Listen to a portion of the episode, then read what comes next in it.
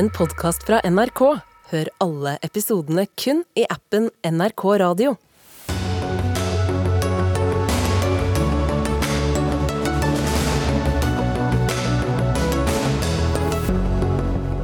Venstre vil at Norge skal støtte Ukrainas ønske om kampfly.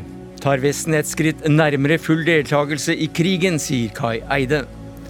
Høyre åpner døra på gløtt, eller litt mer, for kjernekraft i Norge, men møter motstand fra regjeringen. Igjen får politiet tillatelse til å bære våpen rent midlertidig. Vi nærmer oss generell bevæpning uten debatt, mener MDG. Og Manchester City kan bli utvist fra Champions League. Laget anklages for økonomisk kokkelimunke. Ja, Det er noen av sakene i Dagsnytt 18 denne torsdagen, der vi også skal innom dagens regelendring i Arbeiderpartiet, som fratar Trond Giskes lokallag en del makt. Men vi begynner med president Zelinskijs Europa-odyssé. Denne uken har han vært i Storbritannia og møtt både statsminister og konge, og kom i dag fra Paris til Brussel sammen med den franske presidenten. Og hvor sentralt har dette ønsket som det er snakket så mye om, nemlig om kampfly, vært på programmet i dag, Simen Ekern, du er korrespondent i Brussel? Det har jo vært eh, sentralt. Det har vært sentralt i eh, talene Zelenskyj har holdt. Eh, jeg fikk kastet ut et spørsmål til ham om det samme, og han sa disse kampflyene trenger vi.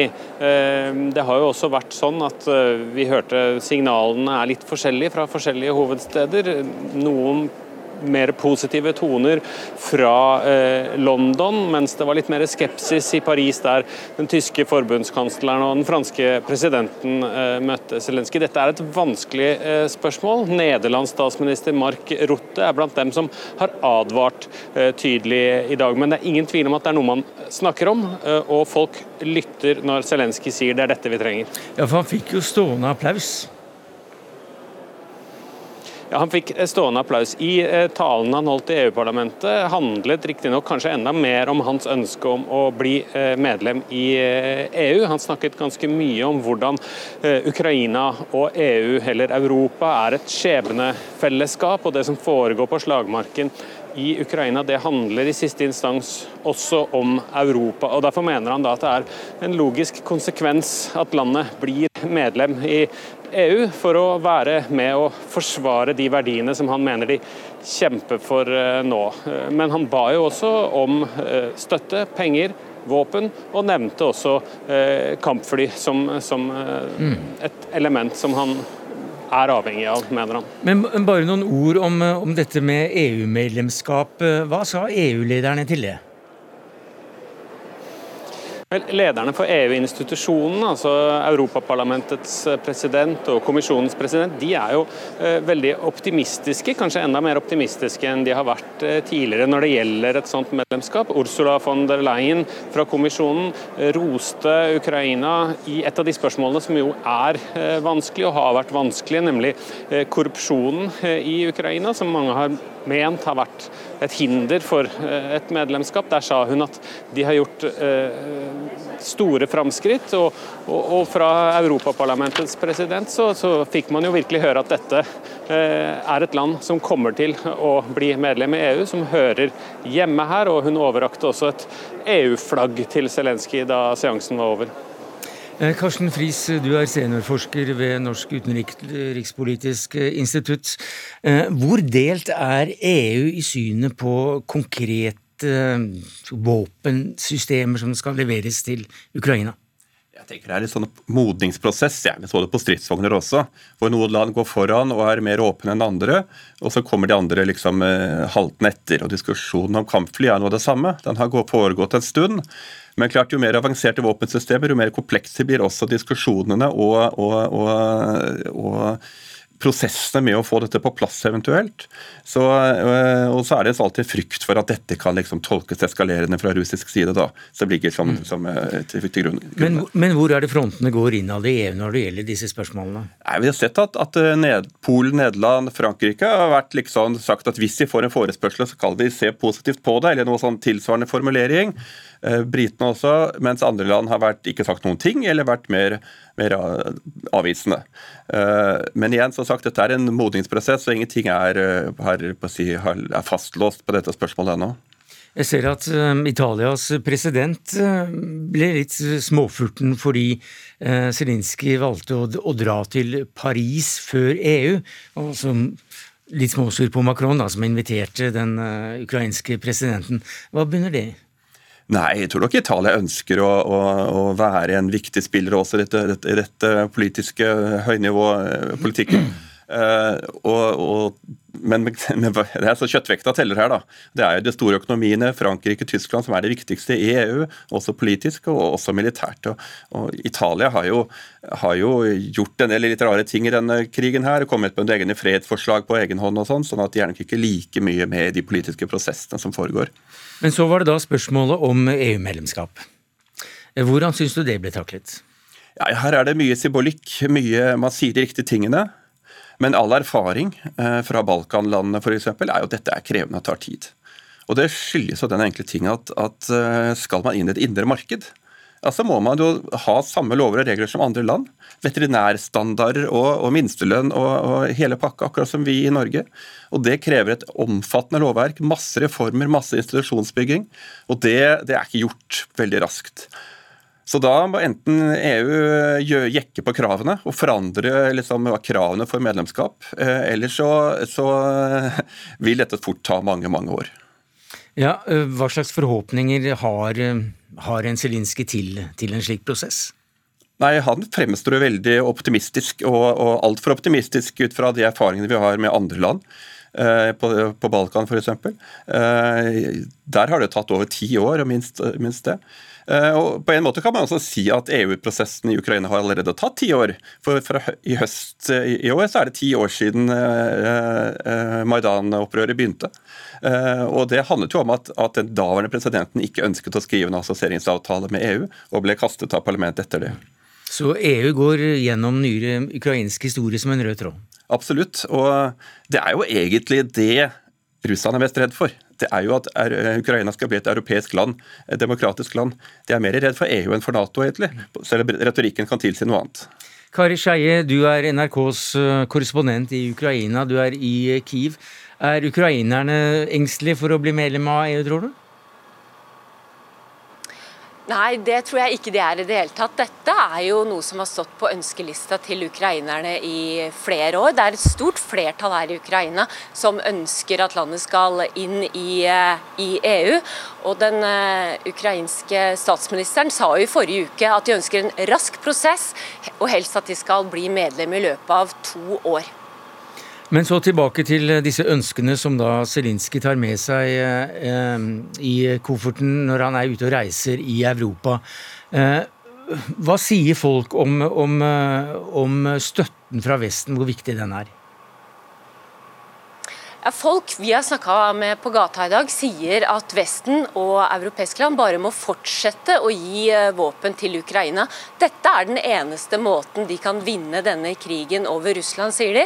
En krig som de også mener de kjemper på våre vegne. Så beskjeden er klar fra folk i Ukraina. Vesten må gi mer våpen. Da skal ukrainerne klare å vinne denne krigen. Og jo fortere de klarer å vinne, jo flere liv vil bli spart. Du og fotograf Gunnar Bratthammer, eh, dere har i dag vært ute og snakket med, med, folk i hovedstaden også om det, ja, den markeringen for eh, ett års Det er vel ikke noe jubileum akkurat, men krigen begynte for ett år, for ikke så mange dager siden. Og det er altså ventet en større russisk offensiv. Hva sier folk? Ja, De fleste vi har snakka med er overbevist om at det kommer en ny russisk offensiv i forbindelse med ettårsdagen for invasjonen 24.2. De fleste tror at den kommer til å starte øst i Ukraina. Folk her i hovedstaden i Kyiv er ikke spesielt eh, bekymra for, eller de tror ikke at russiske soldater igjen kommer til å prøve å ta hovedstaden. Men det de er bekymra for, og det de også tror kommer til å skje rundt 24.2, er at eh, Russland kommer til å sende nye kraftige raketter mot hovedstaden i Kyiv. Simen Ekern, hva står på programmet for eh, Ukrainas president nå videre? Hans program akkurat nå er å avslutte bilaterale samtaler med medlemslandene. Dvs. Si i utgangspunktet skulle han ha møtt en del land én til én. Det ble det ikke tid til, så han har møtt dem i tre forskjellige grupper, tilsynelatende litt avhengig av hvor de har stilt seg i denne konflikten tidligere. Og som du var inne på før, Italias statsminister var litt gretten også fordi hun endte opp da i en stor gruppe og aldri fikk noen anledning til et eget møte med Zelenskyj i dag. Eh, Karsten Friis, hvor viktig er dette for EU som sådan, altså stå samlet eh, bak en, en politikk overfor Ukraina? Ja, det er veldig viktig. Ikke bare EU, men, men, det transatlantiske. Altså med Norge USA og andre land. Ekstremt viktig. Eh, så, så felles front og enighet om hva man skal gjøre, er kjempeviktig. Og så må vi ikke glemme at EU faktisk er den viktigste aktøren når det gjelder å støtte til Ukraina. Det er der sanksjonene ble vedtatt. Det er der alle disse hjelpepakkene kommer. Og til, selv våpen blir betalt gjennom EU-systemet. Så EU er også en veldig viktig aktør overfor Ukraina. Takk skal du ha, Karsten Friis, seniorforsker ved Norsk utenrikspolitisk institutt. Kari Skeie, NRK-korrespondent i Ukraina. Og til deg, Espen Ekern, NRK-korrespondent i Brussel, som også var med på pressekonferansen til Zelinskyj.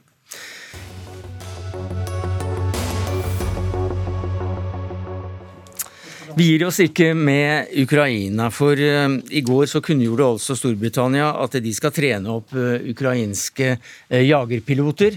Og det er det første steget på veien mot å gi Ukraina jagerfly. Det er da å sikre dem disse pilotene. Det sa den britiske statsministeren Rishi Sunak. Guri Melby, som venstreleder så mener du at Norge bør være en pådriver i denne saken. Hva er det du vil? Jeg har ikke noen prinsipielle innvendinger mot at eh, Nato-land, eller de landene vi nå samarbeider med, donerer jagerfly. Eh, president Zelenskyj var jo veldig tydelig på at eh, de har behov for det her. Det her handler jo om å stå imot det som nå ser ut til å bli en veldig sterk offensiv fra Russland. Norge har så langt bidratt med mange ulike former for våpendonasjoner. Vi har vært aktive og samarbeida med andre allierte land for å muliggjøre donasjoner på ting som vi kanskje ikke donerer sjøl, men som vi er sammen om å donere.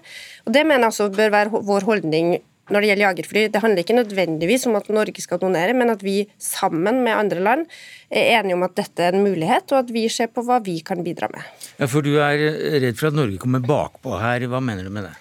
Det som jeg er opptatt av, er at eh, vi nå jeg ønsker meg at regjeringa har en god plan for hvordan vi håndterer denne type henvendelser. For vi vet jo at spørsmålet vil komme om hvordan Norge skal stille seg til det her. Det er ikke noe tvil om det. Eh, og det at vi på en måte ikke bare sitter og venter og ser an hva alle andre gjør, men at vi faktisk tar en sånn aktiv holdning til det sjøl. Hva Norge faktisk mener. Og tar en aktiv holdning til hva slags rolle vi skal spille i de foraene der dette diskuteres. Det er egentlig det jeg etterlyser. Og så finnes det selvsagt ulike grunner for å lande på ulike strategier, men det at vi i hvert fall tar en aktiv runde på det, har en strategi på hvordan Norge skal møte en sånn henvendelse, det er det jeg ønsker meg. Ja, Men hva mener du med det? Altså, at man ikke kommer bakpå og har en aktiv strategi? Hva skal den gå ut på? Altså, en vurdering som man bør gjøre, er jo f.eks. hvor aktiv Norge skal være for å sørge for at dette realiseres. Så langt så, som, som, en pådriver internasjonalt? Ja, for så langt så er det jo, eh, etter den oversikten jeg har, hvert fall, så er det jo noen land som nå, der det er ledende politikere som har tatt til orde for at man kan bidra med jagerfly. Eh, I Storbritannia f.eks., Nederland, Polen. Det er jo debatter også i flere andre land. Og det er klart at hva slags rolle hvert enkelt land tar, vil jo være med å påvirke det andre. Det er ingen som vil vil f.eks. sende jagerfly alene. Og det er klart, om et land skal sende, så vil det jo være avhengig av godkjennelse fra produsentlandet. Dette er jo et veldig sånn, tydelig eksempel på hvor det er viktig med en felles innsats. Så det spørsmålet vi bør stille oss, er jo hva slags rolle vi vil at Norge skal ta i den felles innsatsen. Norge har finansielle økonomiske muskler til å bidra. Vi er nå snart forhåpentligvis i ferd med å inngå en brei enighet i Stortinget om en langsiktig og historisk sterk støtte til Ukraina over år, både til våpen og til humanitær hjelp. Og Hvordan skal vi bruke da, de her økonomiske musklene? Hva slags rolle skal vi ta? Den diskusjonen ønsker meg, og jeg mener Norge bør ta en aktiv rolle. fordi det at Ukraina skal vinne kampen mot Putin, det er veldig viktig for dem, men det er også det viktigste investeringa vi kan legge i vår egen sikkerhet. Norge bør ta en aktiv rolle også når det gjelder å støtte Ukrainas kamp for å få kampfly. Kai Eide, du er tidligere toppdiplomat, bl.a. vært Norges Nato-ambassadør. Hva sier du til det? Jeg er ikke så engstelig for at man bruker litt tid for å tenke seg om. Det syns jeg er veldig klokt. At, og jeg syns Norge har vært ganske raskt ute i de aller fleste sammenhenger. Så jeg deler ikke bekymringen når det gjelder å være på ballen eller være raskt ute. Det er ikke noe galt i å bruke hodet og tenke. Som jeg sier, jeg er ikke overbevist om at den tanken som gjør seg gjeldende, nemlig at har man først i stridsvogner, så må man i fly også, jagerfly, at den holder. Altså Jeg ser sammenhengen, men jeg ser også f.eks. i siste Defense News, hvor to amerikanske militærforskere sier at dette er ikke riktig vei å gå. Det riktige er å velge langtrekkende og mobile luftvernsystemer. Og de stiller seg tvilende til om det dyre jagerfly faktisk kan lede til eh, det man ønsker, fordi russerne har kvantitativt luftherredømme. Så dette er vanskelige spørsmål, og derfor så tror jeg la oss tenke oss om før vi treffer noen beslutninger. Det syns jeg er veldig sunne instinkter for et lite land. Tenker deg litt mer om, Melby? Ja, det, men det er jo egentlig akkurat det jeg ber om også. Jo, men da kommer du jo bakpå. Nei, men det, vi kommer bakpå hvis vi sitter og venter på en henvendelse, og så begynner vi å tenke oss om. Det som er viktig, er jo at vi faktisk tar aktiv stilling til disse spørsmålene, litt uavhengig av akkurat når vi får en forespørsel fra Ukraina, eller når et annet land har en debatt. Mm. Det jeg ønsker meg, er jo at vi har en selvstendig tanke om det her sjøl. Hvordan mm. Norge best kan bidra. Og basert på altså, hva Forsvaret gir av råd til regjeringa, basert på vurderinger regjeringa sjøl gir av råd, så er det ikke sikkert at de lander på eh, at Norge f.eks. skal donere, eller at vi skal Kanskje vi skal bidra med opplæring. Nei, men, men altså, det, det, tar vi når regjeringen ja, kommer, og de sitter litt på gjerdet. De hadde ikke lyst til å komme hit i dag. Jeg synes for det første så mener jeg det er sunt at vi har en åpen debatt om disse tingene her. Ja, men det, det har vi det også. Jeg, jeg, jeg, og for det andre på... så tenker jeg at vi, vi, bør være litt sånn Vi bør ha tenkt gjennom disse tingene før ja. på en måte forespørselen kommer. Jeg ble litt utålmodig der, for Kai Eide introduserte nemlig en debatt i debatten, og det var den som du dro opp, Sverre Disen, tidligere forsvarssjef, nemlig at hvis Norge har vært med på å godta at man gir stridsvogner, ja, så er vel neste skritt kampfly. Altså, sånn Rent militært så er det ulogisk å gi stridsvogner uten å samtidig gi kampfly. og Det har jo sammenheng med at hvis man setter ukrainerne i stand til å sette opp og bruke komplette mekaniserte bakkestyrker, hvor stridsvogner liksom er kjernesystemet, og for øvrig altså da med stridskjøretøyer og det som inngår i en sånn organisasjon, som er det de trenger for å kunne gå til store offensive operasjoner for å drive russerne ut, så er den type operasjoner ikke mulig å gjennomføre hvis fienden, altså russerne, har luftherredømme. Eh, og da er det jo, som Eide er inne på, det er selvfølgelig mulig å si at en minimumsløsning er da å sette det ukrainske luftvernet i stand til å holde himmelen fri for russiske fly, men det er strengt tatt eh, ikke en fullgod løsning, og da er det nok ikke noen annen løsning enn at man setter ukrainerne i stand til å operere sine egne fly og tilrive seg luftoverlegenhet i luftrommet over disse mekaniserte bakkestyrkene som man nå har gitt dem. Og Det innebærer eh, vestlig fly og, vestlig trening? Det innebærer vestlig fly og vestlig trening og vestlig logistikk. Og fordi det jo har en, en enda større ledetid, som vi sier, altså det tar lengre tid å få til det enn å sette ukrainerne i stand til å bruke disse stridsvognene, så vil det jo allikevel da være en forsinkelse etter at de har fått disse stridsvognene, og før de vil kunne operere jagerflyene. Og Det tilsier jo også at igjen, altså hvis Vesten har bestemt seg for at ukrainerne skal vinne, eh, vel, så ville det logiske være å si at eh, da får vi også gi dem jagerfly, og det må vi altså da gjøre nå pga. ledetiden. Ja, jeg registrerer at uh, det er fremtredende amerikanske stemmer som er uenig med Diesen. Han har da vært forsvarssjef, så jeg har all respekt for ham. Men det er grunn til å ikke være skråsikker her på hva som er den riktige løsningen. Nei, jeg sier men, også det at ja, jeg, er jo, jeg, er jo, ikke skråsikker, men nei, nei, jeg sier et, et godt luftvern er en, en minimumsløsning. Ja, fordi at det du sier, det er at har du sagt A, så går det ikke an å liksom ikke si B. Nei, det er i hvert fall en veldig dårlig løsning da å si en halv B. Ja. så må jeg si det er interessant å se. Altså, dette kommer da opp etter at, selv om det har vært en sånn debatt som har ligget der i bakgrunnen, så kommer det liksom opp etter at vi har kommet med stridsvognene. Så kommer flyene. Hvorfor kunne ikke flere ha sagt allerede fra begynnelsen av at hvis vi gir stridsvogner, så må vi fly? For det hører sammen. Men det hørte jeg ikke fra noen. Veldig få. Det er et veldig godt poeng, og det har jo å gjøre med at Vesten er jo ingen enhetlig aktør. Og når man utformer eh, strategi i sånne sammenhenger, så starter jo resonnementet med at man sier hvor skal dette ende? Hva er, hva er sluttilstanden? Og så må man spørre seg vel, for at vi skal få til det, hva må vi gjøre for å skape den sluttilstanden? Og eh, da ville det altså vært naturlig at man trakk opp den diskusjonen med en gang. Men fordi Vesten jo da eh, reagerer sånn pø om pø og forholder seg til én og én eh, anmodning fra ukrainerne om, om disse forskjellige våpensystemene, så, så, blir det altså noe, noe, tilfeldig. Og som Eide er inne på, da, da blir det mm. altså ikke en, en konsistent strategi. Men Vestens mål er vel klart også, det er full ukrainsk seier og til og med uh, ta tilbake Ukraina? Ja, Det er jo egentlig ikke Vestens eh, skal vi si, førsteprioritet. For det vil jo være å, å hindre russerne å vinne uten å påføre dem et fullstendig nederlag. Eh, men eh, det forutsetter jo at Putin på et eller annet tidspunkt skjønner at han ikke kan vinne, og kommer til forhandlingsbordet. Eh, men hvis det premisset feiler, så vil det å hindre russerne å vinne, det vil, altså, det vil bare være én løsning på det dilemmaet, og det er å sørge for at russerne taper. Jeg ser altså Rand Corporation ga ut en rapport nå for noen dager siden hvor de skriver, og det er jo veldig nært knyttet til Pentagon, hvor de også skriver sant, at det er to ting vi må unngå. Det ene er eskalering av krigen. Det andre er en krig som drar ut altfor lenge. Og Derfor så peker også de på at nå er vi nødt til, faktisk, sier de, og de bruker uttrykket 'realitetsorientere Zelenskyj'. Med andre ord få ham til å forstå at han må gå til forhandlinger, og de forhandlingene kan måtte lede til at han ikke får det helt som han vil. Ja, men eh, Ved å gi kampfly, er vi da med på å uh, realitetsorientere Zelinskyj, mener du? Altså, Jeg har ikke tatt til orde for kampfly. Nei.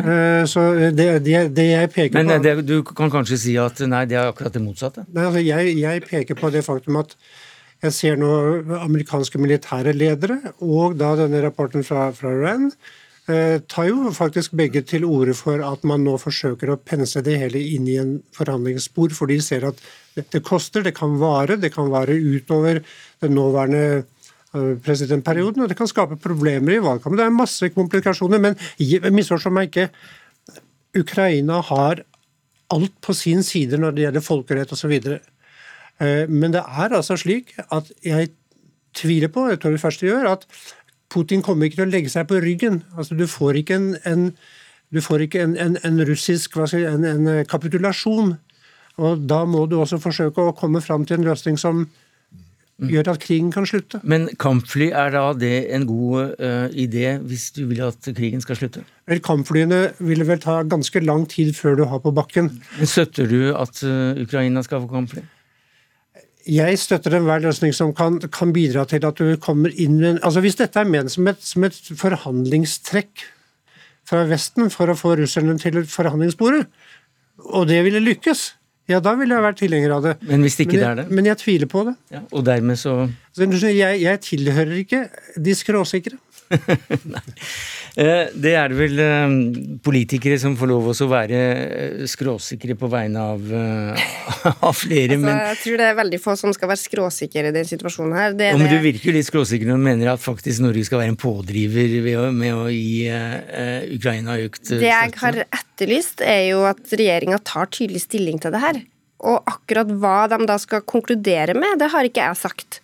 Eh, jeg har ikke lyst til å forskuttere hva som skal være konklusjonen, men det er jo nettopp det som Sverre Disen eh, snakker litt om òg. Altså, ja, det er jo verdt å spørre seg om det har vært en strategi eller ikke.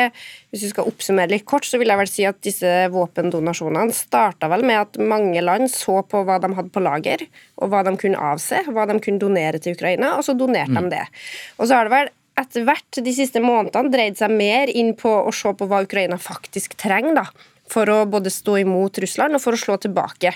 I Norge var det jo et skifte da vi ble med sammen med USA på å donere luftvern, NASAMS, som er en veldig annerledes type våpen enn det vi har donert fram til da.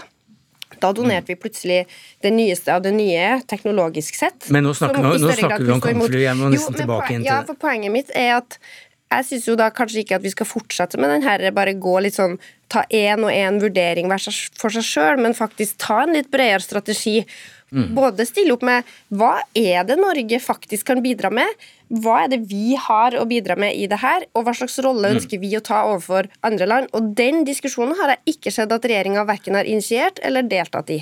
Iver eh, B. Neumann, du er direktør ved Fridtjof Finansens eh, institutt på Polhøgda og kjenner Russland svært godt. Eh, hvordan tror du det vil virke i Russland når de da ser at Vesten nå er på full fart inn antagelig til å gi kampfly? Hele grunnen til at vi har tatt dette pø om pø, for å bruke Disens uttrykk, det er jo at vi vil signalisere at vi venter på at russerne gjør et aggressivt trekk. Så gjør vi et defensivt trekk. Hvis vi hadde kjørt med en vanlig militærstrategi hvor vi hadde satt oss et mål og så pøst på med det vi trengte for å komme dit, så hadde jo nettopp vi svart adskillig mer offensivt enn vi faktisk har. Og Det er jo en politisk logikk her som tilsier at vi venter til russerne gjør trekk, så vi vet mottrekk. Og Dermed så blir det eh, inkrementelt, som det heter, altså lite skritt efter lite skritt. Men det har jo den fordelen at vi signaliserer til russerne. Jeg må jo si at eh, på begynnelsen av krigen var jeg svært opptatt av å gi eh, Putin en vei ut. At eh, Putin ikke skulle ydmykes for å ha gjort en gevaldig feil. Den holdningen har jeg lagt fra meg for lenge siden, for det er jo helt tydelig at det er bare en eneste ting som nytter her, og det er å faktisk følge Putins opptrapping. Og da er det jo logisk da at neste skritt er fly. Ja, Hva blir neste skritt etter flyet? Ja, det er det, ikke sant. Altså, det er eh, altså, Putin har jo gjort det for vane, nærmest, eh, å true med atomvåpen. Det er jo ikke så lurt, fordi hvis vi gir efter for en trussel for atomvåpen, så kan jo Putin true med hva som helst. Da har han oss i lomma, så vi kan like godt møte ham nå. Eide. Jeg tror, eh, Vi har snakket om eskalering veldig lenge. Eh, det har jeg gjort også. Faren for eskalering. Men jeg tror eh, det er først nå at vi har nådd det tidspunktet hvor det er en reell fare. Så dette er en, faktisk en ny vending? Altså, Jeg tror krigen er kommet til et punkt Eh, hvor Putin kan føle seg så presset at eh, irrasjonelle Enda flere og mer alvorlige irrasjonelle handlinger kan komme til å inntreffe. Det, det, er klart, det må vi ha med i beregningen. Det går ikke an å bare si ja, han har sagt det før, han bare bløffer. Det, det er ikke meningsfullt, og det er ikke ansvarlig verken fra politikere eller forskere. Eh, man, har, Putin har selv eh, tatt fram eh, denne historien om rotta som blir trengt inn i et hjørne og dermed angriper. Det russiske mentaliteten, altså er det å kunne gi seg? Det er klart at den Tradisjonen i Russland er at hvis man møter svakhet, så, så, presser man frem Da bruker man bajonetten, som Lenin formulerte det. Men hvis man presser selv? Men eh, ikke sant, da må det stoppes. Da Da skal man slutte å regruppere. Og det er dette med rotta til Putin, at han alltid skal være i et hjørne, og uh, at han ikke gir seg, men altså alltid faller ut selv om han er i en umulig situasjon. Det er jo ikke riktig. Putin har trukket seg ved flere anledninger i disse par og tyve årene han har sittet ved makten. Så vi skal ikke ta for gitt at han alltid kommer til å være fullstendig på, på aggressiven. Det finnes også anledninger, en rekke eksempler i russisk historie, også nyere historie, på at man gir seg. Og Det er jo det som må til her, rett og slett. Å markere at uh, dette går ikke lenger. Man kan ikke holde på ikke bare med en ag aggressiv krig, men en krig som føres på den måten som russerne gjør. Altså, det er jo en overtramp på absolutt alle mulige bauger og kanter. Men Vi har jo snakket om å, å realitetsorientere Zelenskyj, men altså den som først og fremst trenger realitetsorientering her, er jo Putin. Og når han fortsetter på den måten han gjør, så er det jo fordi han ut fra sin grunnleggende forakt for Vesten som en, en dekadent sivilisasjon i forfall, ikke tror at Vesten kommer til å stå ved Ukrainas side. Altså Han er helt overbevist om at på et eller annet tidspunkt så kommer vi til å gi oss. Og eh, Det er jo nettopp derfor altså det å sette ukrainerne i stand til å faktisk vinne krigen, det er kanskje den eneste måten å realitetsorientere Putin på, mm. ved å få ham til å forstå at han har faktisk vurdert feil. Men han sitter jo da med en finger ganske nærme atomknappen her. Ja, den kan man selvfølgelig aldri se helt bort fra, men Nei. på den annen side så mener jo jeg at det er ikke en troverdig eh, trussel. Eh, og som Neumann sier, altså uansett hvor troverdig den er, altså kan man la ham slippe unna med det. Mm. Er det, frykter du en atomkrig, Eide? Jeg synes det er alltid grunn til å frykte en altså eskalering og, som kan berøre oss på en annen måte enn den gjør i dag. Men jeg må si, nå har man sagt i måned etter måned etter måned det russiske militæret er svakt osv. Videre, og, og nå kommer det også andre toner. Vi sier vi skal ikke undervurdere russerne. Vi må bestemme oss er russerne svake, eller er de ikke svake. De er kanskje ikke så svake som vi trodde. Det, jeg tror ikke det. Eller helst ville tro. Takk skal dere ha, Guri Melby, stortingsrepresentant og leder av Venstre, Kai Eide, tidligere diplomat bl.a. ved Norges Nato-ambassade, Sverre Disen, tidligere forsvarssjef, og til deg, Iver B. Neumann, direktør ved Fridtjof Nansens institutt på Polugda.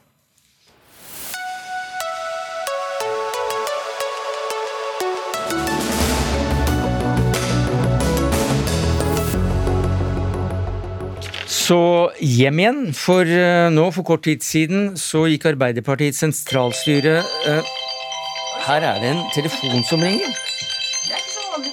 Nei, er det, er det Arbeiderpartiets Nei, det var ikke det.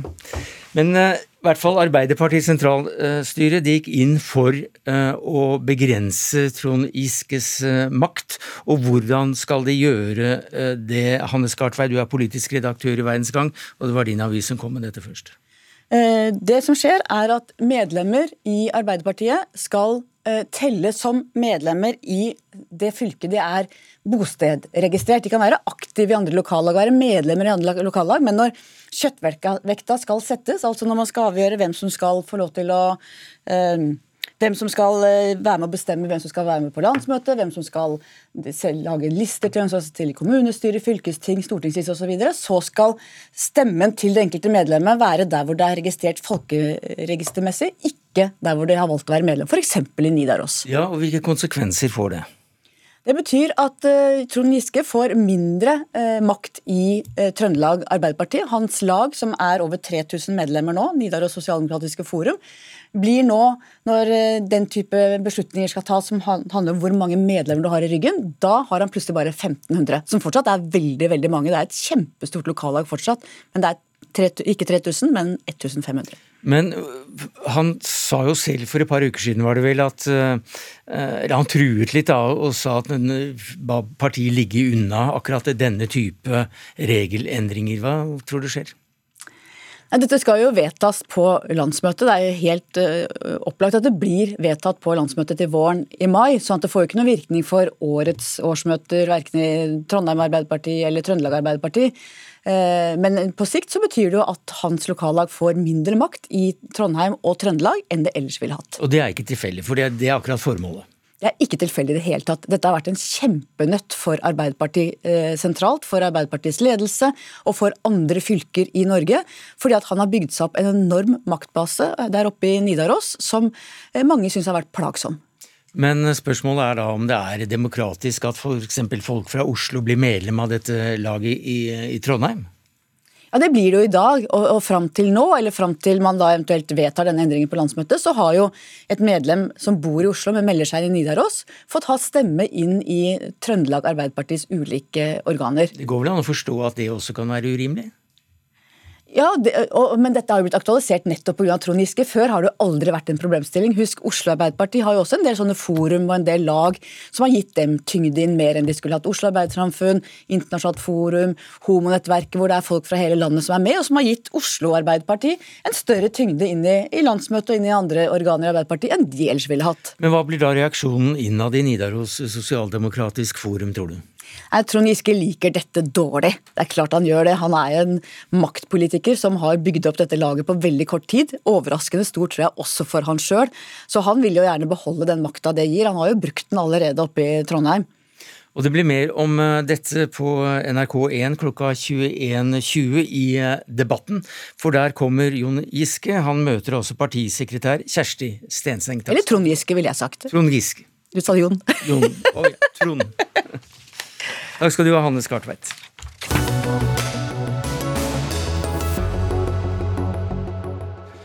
I dag eh, åpnet eh, partileder Erna Solberg døren for at eh, partiet skal si ja til kjernekraft her i landet, etter en del utredninger etc.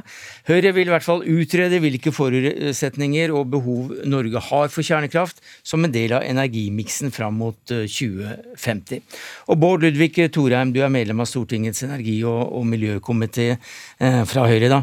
Hva er det dere sa fra om i dag?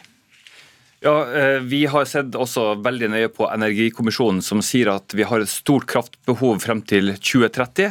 Det må vi møte umiddelbart med fornybar kraft. Det har vi masse forslag og politikk for. Men så må vi også gjøre del på lengre sikt mot 2050. Vi kommer fortsatt til å ha et stort kraftbehov. Vi må bygge ut eh, vann og vind og sol. Eh, men så er spørsmålet om man kan se for seg kraftmiksen litt lengre ut. Om kjernekraft kan være en idé i Norge. Og Det ønsker vi et kunnskapsgrunnlag eh, for. Og det Her er det lange linjer i energipolitikken. Derfor så mener vi at et sånt kunnskapsgrunnlag kunne man sette i gang med nå. Men hvilket uh, initiativ er det dere tok i dag? Ja, Det er et initiativ for oss å få kunnskap om er det forutsetninger, behov for kjernekraft eh, i Norge? Eh, passer det inn i den norske eh, energimiksen?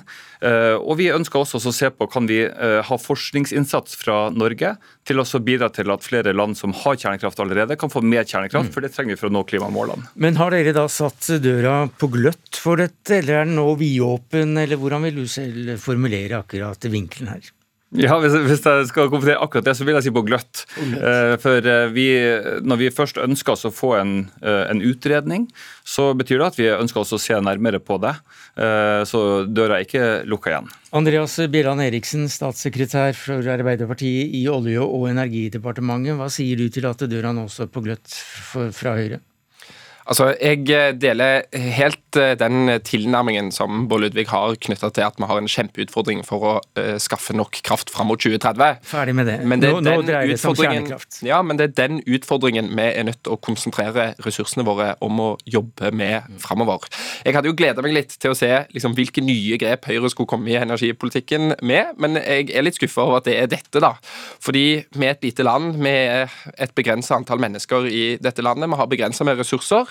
Vi er nødt til å sette inn alle ressursene vi har på å sørge for at vi får nok kraft til å møte den energikrisen som vi står i nå, og til å dekke det store behovet som vi har fram mot 2030. Så det er en utredning er, om kjernekraft? Og da er kjernekraft, og det å drive og utrede kjernekraft Nå er det jo ofte eh, eh Høyre som eh, prøver å kritisere oss for at vi utreder ting, men vi utreder jo ting som skal bli tiltak på kort og mellomlang sikt. Mm.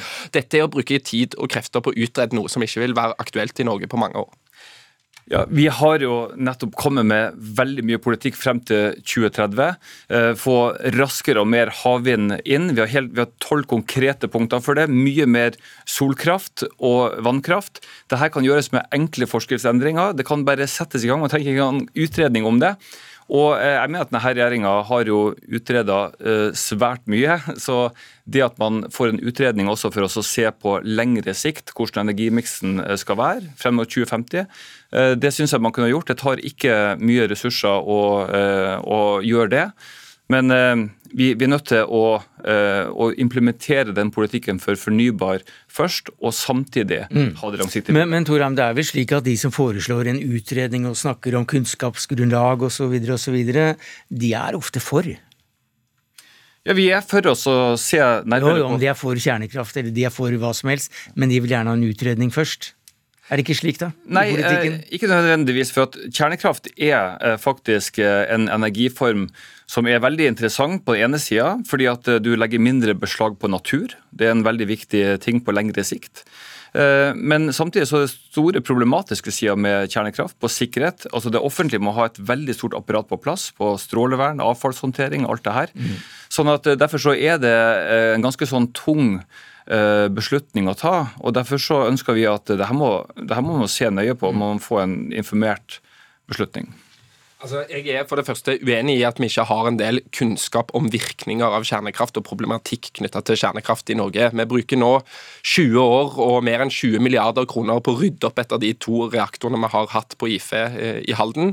Eh, men det vi ikke har kompetanse på, det er å bruke storstilt kjernekraft som tar lang tid, som er dyrt, og som har den avfallshåndteringsproblematikken som storstilt kraftproduksjon i kraftsystemet vårt. Og Da mener jeg det er feil prioritering å skulle drive med ressurser til dette nå. Og Bård eh, Ludvig han underspiller sitt eget forslag litt, for han sier bl.a. i forslaget at vi skal bli ledende innenfor forskning på dette området.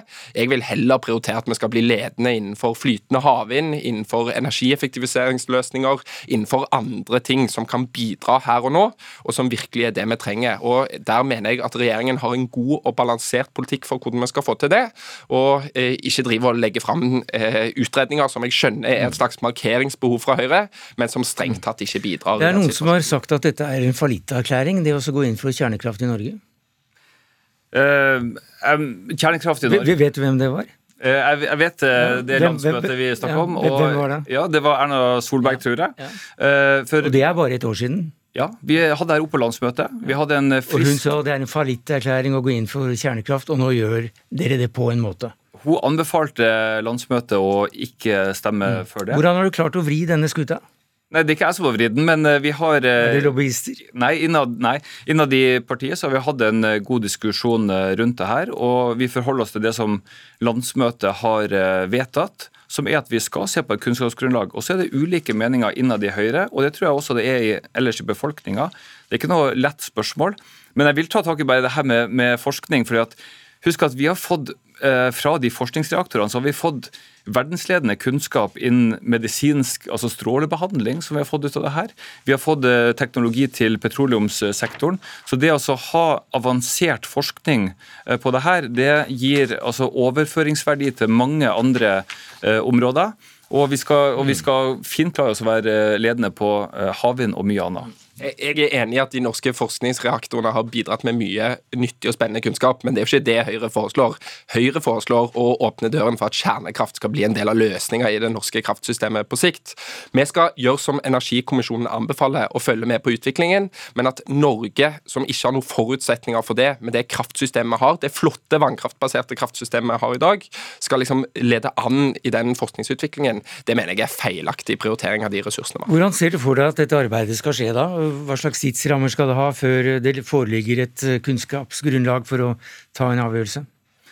Det er, jo, eh, det er, jo, naturlig at man eh, setter ned et utvalg, at det utarbeides f.eks. en NOU, en norsk offentlig utredning. Det kan være én form. Det som er klart, er jo at det må jo være en regjering som ønsker å nedsette det, og det har vi ikke nå. Så de neste to og et halvt årene så kommer jo ikke det til å skje. Og det her er, som jeg har sagt, ting på lang sikt. Hvor, hvor lang sikt? Altså når får du det første kraft, kjernekraftverket opp å stå? Nei, uh, altså Jeg er ikke noen ekspert på det, men jeg kan jo referere til Stein Lier Hansen i Norsk Industri i dag. Han sa jo at det her er såpass lange prosesser at han så for seg at det her var liksom over på, på 2040-tallet mm. eventuelt. Altså, men uansett, så hvis man ikke setter i gang prosessen, så kommer det i hvert fall ikke til å, til å skje. Og da, da kommer det heller ikke til å være en mulighet for det i, mm. Eh, i vårt kraftsystem. Takk skal du ha, Bård Ludvig Thorheim, stortingsrepresentant for Høyre, og Andreas Bieland Eriksen, statssekretær i Olje- og energidepartementet.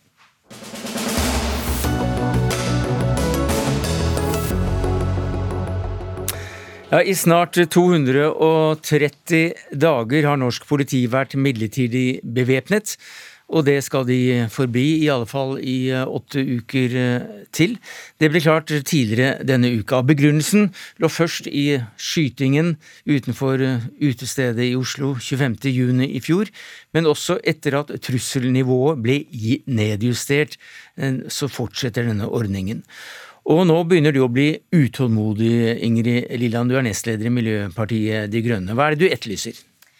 Vi er veldig heldige i Norge som har hatt eh, generelt et ubevæpna politi. Det har gitt oss både tillit og trygghet og høy kompetanse i politiet på å løse situasjoner uten bruk av våpen. Og så har vi jo den åpninga om midlertidig bevæpning når trusselbildet tilsier det. Det er viktig. Eh, men nå har vi jo hatt midlertidig bevæpning i eh, åtte måneder ca. Eh, og det jeg etterlyser, er at vi faktisk har en demokratisk diskusjon om begrunnelsene bak det. For jeg er bekymra for at vi i praksis nå får en generell bevæpning av politiet. Det mener jeg er en så stor endring at det må politikerne og Stortinget bli involvert i. Hva sier du til det, første nestleder av justiskomiteen, Maria Aasen fra, fra Arbeiderpartiet? Ja, jeg er veldig glad for at vi får en debatt rundt det. Eh, det skal vi ha, og det har vi ganske jevnlig i Norge og i det politiske miljøet i Norge og i samfunnsdebatten i Norge, og det er bra. Eh, så er det sånn at For Arbeiderpartiets del så har vi eh, lagt en prinsipp om at vi altså følger politiets politifaglige råd. Og da er det sikkerhetsnivået og trusselnivået som Eh, politiet da gjør sine vurderinger av og gir oss råd på hva vi som politikere ønsker. Eh, og nå har det vært en situasjon over tid hvor politiet har vurdert at de trenger bevæpning, og da har vi sagt ja til det. Så vil sikkerhetssituasjonen endre seg.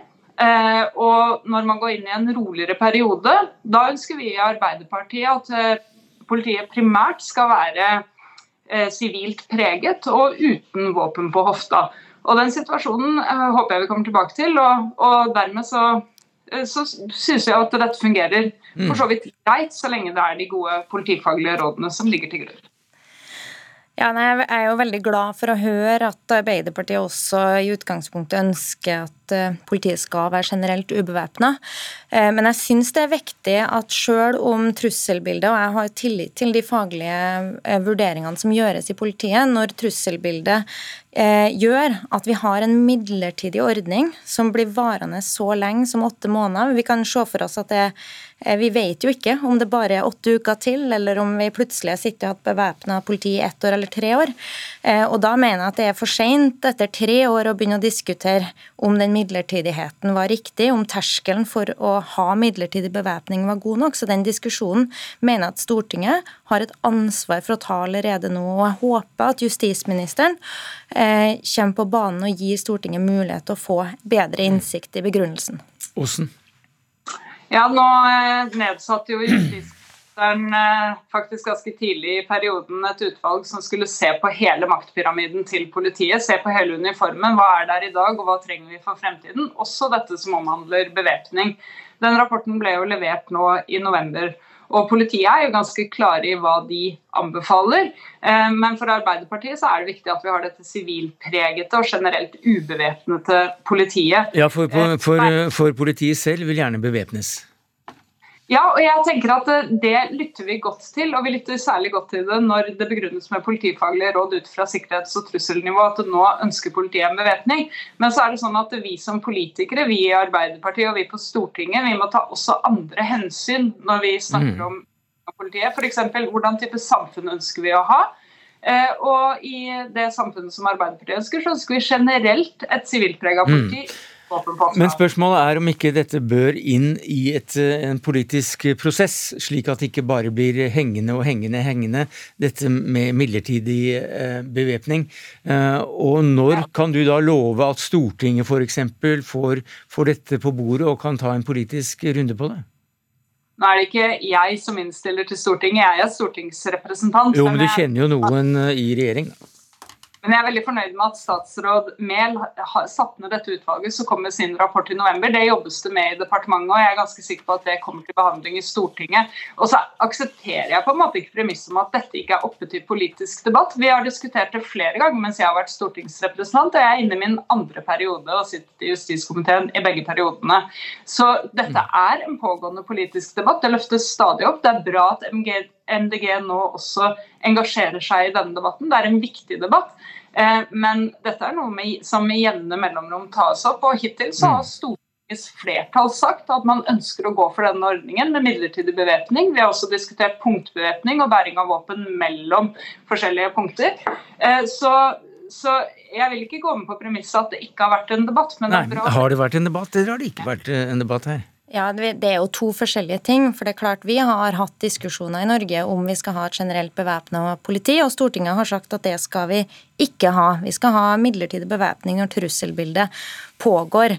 Eh, og Det jeg er bekymra for nå, er at vi har en midlertidig bevæpning som pågår så langt, sånn at vi i praksis får en generell bevæpning uten at det er demokratisk forankra, eh, og uten at folk egentlig er klar over hva som er begrunnelsen til at politiet rundt dem bærer eh, våpen. Og jeg vil jo si at nå er vi inne i en tid som setter våre verdier på prøve, og da mener jeg at når vi da blir nødt til å gjøre midlertidige vedtak som plutselig blir varende nesten ja, to tredjedeler av et år, så mener jeg at vi har ansvar for å ta kontroll på samfunnsutviklinga.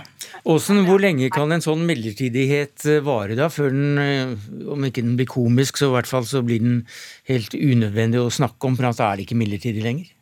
Nei, Det er absolutt ikke unødvendig å snakke om. Dette er jo begrunnet i sikkerhetssituasjonen. Ja, det, det, skjønte jeg, men spørsmålet var hvor lenge kan en midlertidighet vare før det ordet midlertidig mister sin betydning? Ja, altså, dette er jo jeg må adressere, altså, Det sies at det ikke har vært en demokratisk prosess. Det finnes vel knapt noe som er mer demokratisk enn når Stortinget har sagt at det er denne løsningen man ønsker. Det har vært behandlet i Stortinget. Stortinget sier at dette er måten å løse det på. Vi følger de gode politifaglige rådene. Det er i aller høyeste grad en demokratisk prosess. Og Midlertidigheten vil vare så lenge sikkerhetssituasjonen og trusselnivået tilsier det, og politiet selv ber om det og kommer med politifaglige råd til oss, så er det bra at vi som stortingspolitikere og at vi i samfunnsdebatten vår diskuterer bevæpning av politiet. Eh, men hittil så har vel løsningen med denne formen for bevæpning av politiet etter råd for politiet faktisk fungert ganske så godt. Så gjør vi oss Et øyeblikk, vi må nesten få en reaksjon på det. Nei, igjen, midlertidigheten, eh, midlertidig bevæpning er demokratisk forankra, men nå når vi ser at midlertidigheten gjentas og gjentas og gjentas, så må vi spørre oss får vi en utvikling i samfunnet nå, eh, i praksis, mot generell bevæpning, som vi ikke ikke har tatt demokratisk stilling til. Så det ønsker jeg at vi skal ha en debatt om, at justisministeren lar Stortinget få innsikt i de vurderingene som er gjort. Da er den meldingen eh, sendt. Takk skal du ha, Ingrid Lilland, nestleder i MDG, og til deg, Maria Aasen, nestleder i justiskomiteen for Arbeiderpartiet.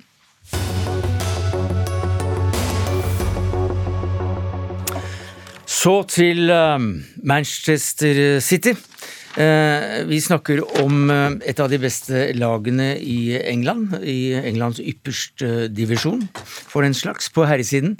Eh, nå har laget problemer, og de kan bli langt større enn at Haaland ikke får noen baller å jobbe med, for det er Premier League selv som da har tatt opp fløyta. Og jeg vet ikke hvor langt vi skal drive disse fotballallegoriene, men, men i så fall så er det vel VAR da som nå er inne og ser på dette her, og det er om laget faktisk er en versting av klassen hva gjelder bruk av økonomiske muskler langt utover regelverket. 100 anklager. Hva er det viktigste, Jan Petter Saltvedt, du er sportskommentator i VG? Nei, i NRK.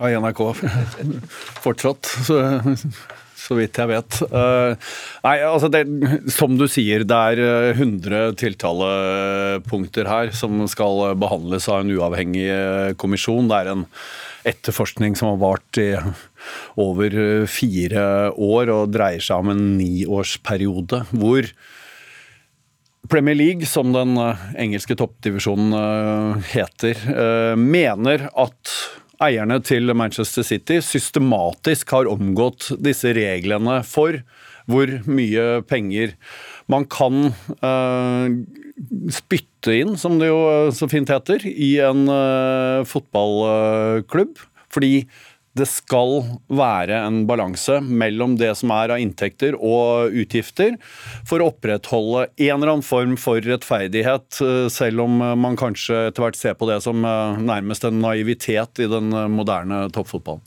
Ja, Det betyr også at Premier League nå undersøker eller har anklaget Manchester City for å bruke altfor mye penger. Rett og slett. Som ikke kommer fra uh, besøkende. Nei, ikke sant. Det, man har noen uh, inntekter. Uh, pengene fra TV-rettigheter er jo enorme summer etter hvert. Det går til alle klubbene som er i Premier League. Man selger billetter, man selger drakter. Man har en masse sponsorer, og det er jo et av stedene Manchester City er nå er tiltalt for å ha triksa. Har sagt at sponsorkontraktene er mye mer verdt enn de egentlig er. Veldig mange av disse selskapene som er sponsorer, har jo samme eier som eh, klubben eh, ellers, altså Emiratene, eh, Abu Dhabi, basert.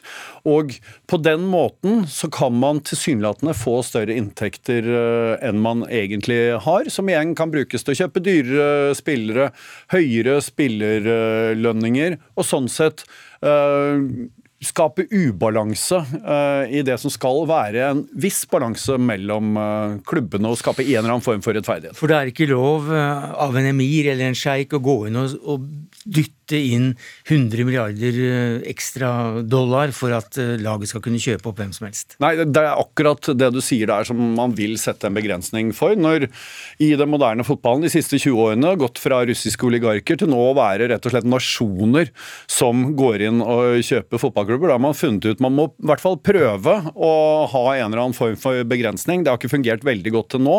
Nå har man et håp om at det kanskje blir satt en eller annen form for grense her. Kåre Ingebrigtsen, eh, vi kjenner deg som trener eh, for eh, Ranheim. Vi kjenner deg også som tidligere spiller for Manchester City.